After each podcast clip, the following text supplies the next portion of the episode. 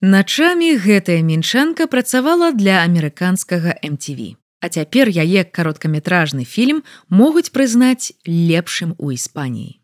Хто яна?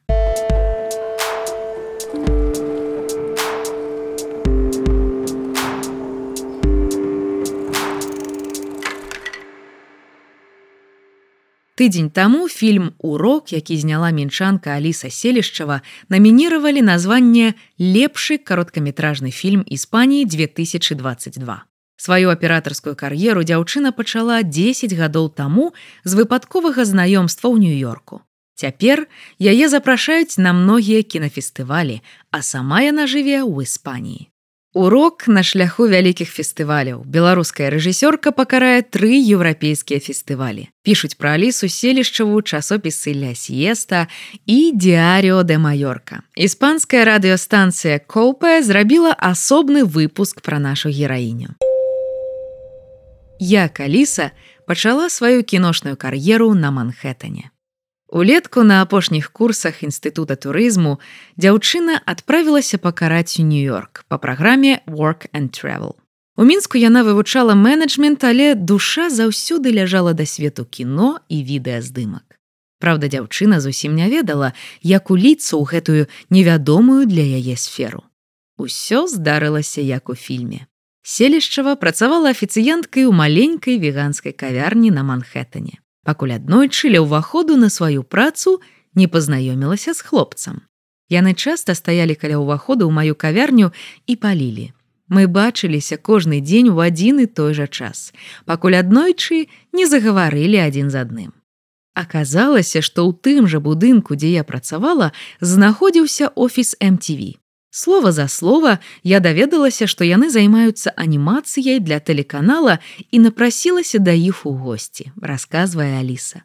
Выпадковае знаёмства хутка перарасло ў моцнае сяброўства. Амаль штодня пасля закрыцця змены Аліса паднімалася на верхнія паверхнях марачоса, каб пабавіць час з новымі знаёмымі. Дзяўчына з дзяцінства захаплялася кіно і відэавытворчасцю, але не ўяўляла, як працуе гэты свет знутры.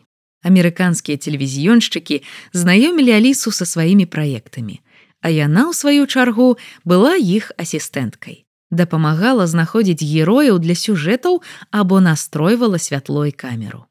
Было досыць складана фізічна, таму што даводзілася сумяшчаць дзве працы, Днём я была ў кавярні, а ўначы на здымачнай пляцоўцы. Па словах дзяўчыны, касякоў на працы ў першыя часы было шмат. Аліса шмат чаго не разумела, таму што ніколі да гэтага не сутыкалася з сур'ёзнай кінавытворчасцю. Увесь яе досвед у здымках зводзіўся да запісу і монтажу аматарскіх відэа з сяброўкай на стары телефон. Мне пашанцавала, што мяне адразу ўзяў пад апеку адзін з супрацоўнікаў MTV. Ён потым расказваў, што ўжо з першай сустрэчы, калі мы толькі стаялі ў курыльні, зразумеў: у ёй ёсць патэнцыял. Так ён стаў для мяне настаўнікам у свеце відэавытворчасці. Амерыканскае знаёмства атрымала свой працяг у Беларусі. Настаўнік алісы па MTV прыязджаў потым у родную краіну дзяўчыны. Яны разам здымалі камерцыйныя ролікі. Настолькі дзяўчына запомнілася амерыканцу. Мужчына сам знаходзіў рэкламныя праекты тут і клікаў дзяўчыну дапамагаць. Так пачалося кіношнае жыццё Алісы. Яна часта прыходзіла ў розныя беларускія праекты, дзе патрэбны былі памочнікі. Была асістэнткай, дапамагала здымаць асобныя кадры і пісаць сцэнарыі, паступова кола знаёмстваў з гэтай сферы пачало пашырацца і дзяўчыну пачалі запрашаць на вялікія відэапраекты ўжо як асобную спецыялістку. Часцей працавала сарафаннае радыё. Камусьці патрэбна была дапамога ў здымцы відэа, праз знаёмых даведваліся пра мяне.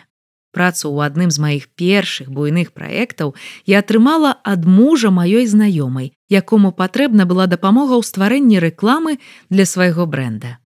Каб здымаць контент для гэтай кампаніі, мне трэба было паехаць у Шанхай і Лаос.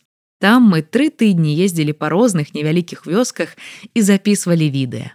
Было дзіўна ўсведамляць, што я трапіла ў гэты вялікі праект толькі таму, што нейкая моя знаёмая за вячэрай выпадкова мяне згадала. пра экстрэмальныя здымкі. Мяне спыталі, ці хачу я паехаць здымаць у пустыню. Я пагадзілася. У пачатку кар'еры, каб атрымаць больш досведу, дзяўчына часта згаджалася на авантурныя прапановы. Праз знаёмага аператара, які працаваў на расійскім тэлебачанні, Аліса трапіла на экстрым ТБ. Там патрэбны былі новыя людзі ў каманду, а дзяўчына якраз хацела працаваць над маштабнымі праектамі. Мы пачалі ганяць па розных гарадах, здымаючы гонкі і спаборніцтвы, Неяк увечары адзін з аператараў прапанаваў адправіцца разам з яго камандай у дакар, здымаць ралі. Мне заўсёды падабаліся прыгоды, таму я адразу пагадзілася. Праз месяц дзяўчына калясіла ў аўтадоме па пустыні сенегала, здымаючы знакамітых гоншчыкаў. Працаваць было складана. На вуліцы невыносная спякота. Усюды пясок, ад якога немагчыма схавацца, здымкі днём і ноччу монтаж.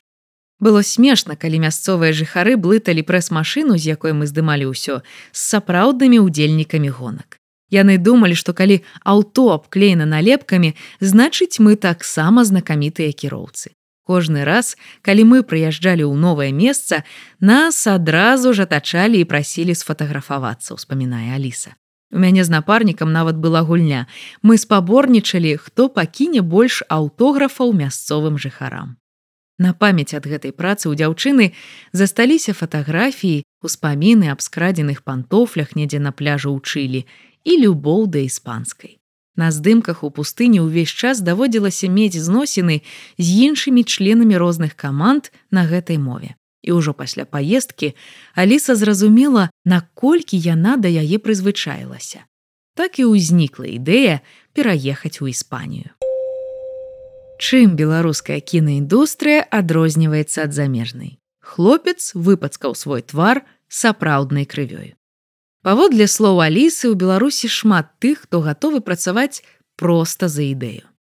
На здымках беларускага фільма патруль 113 трэба было зняць адну сцэну са збіццём чалавека на вуліцы. Кадр быў невялікі, масоўку набіралі літаральна з вуліцы, візажыста таксама ў той дзень не запрашалі. Хлопец, які іграў ахвяру, працаваў бясплатна і вельмі хацеў вылучыцца.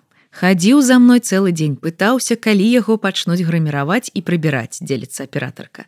У той момант, калі настойлівы малады чалавек зразумеў, што яму не свеціць ні грым, ні буйныя планы ў кадры, ён вырашыў адзначыцца інакш.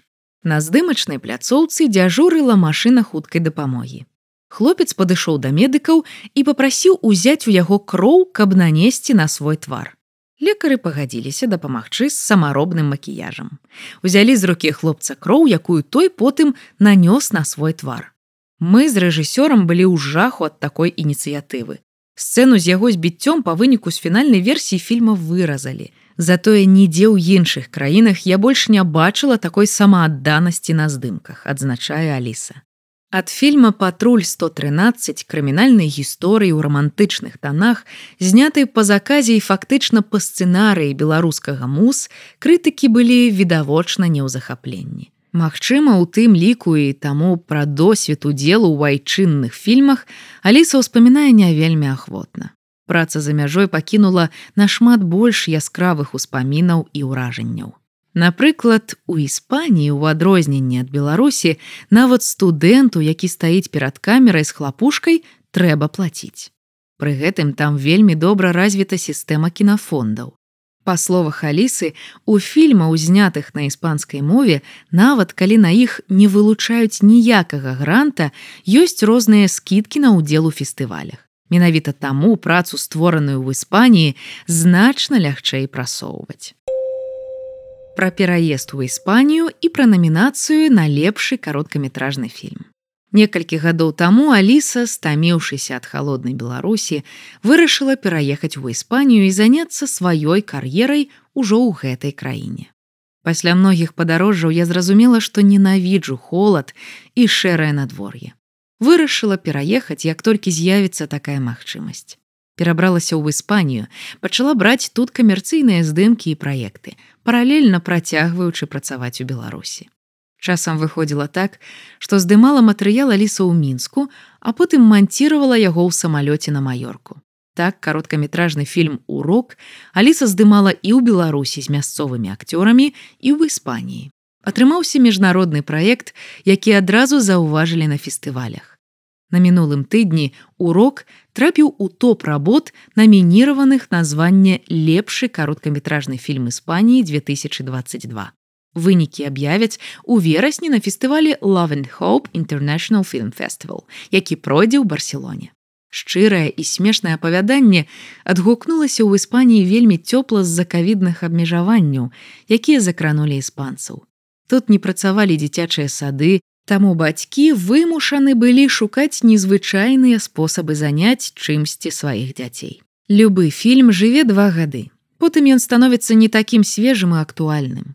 Урок выйшаў у 2021 годзе як рэакцыя на навакольныя падзеі. Пакуль яшчэ яго дадаюць на фестывалі, але я разумею, што ўжо зараз патрэбны новы матэрыял.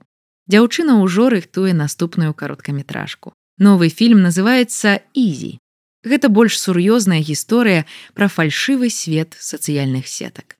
Здымалі ўсё зноў, як і папярэдні фільм адразу ў дзвюх краінах: Іспаніі і Беларусі.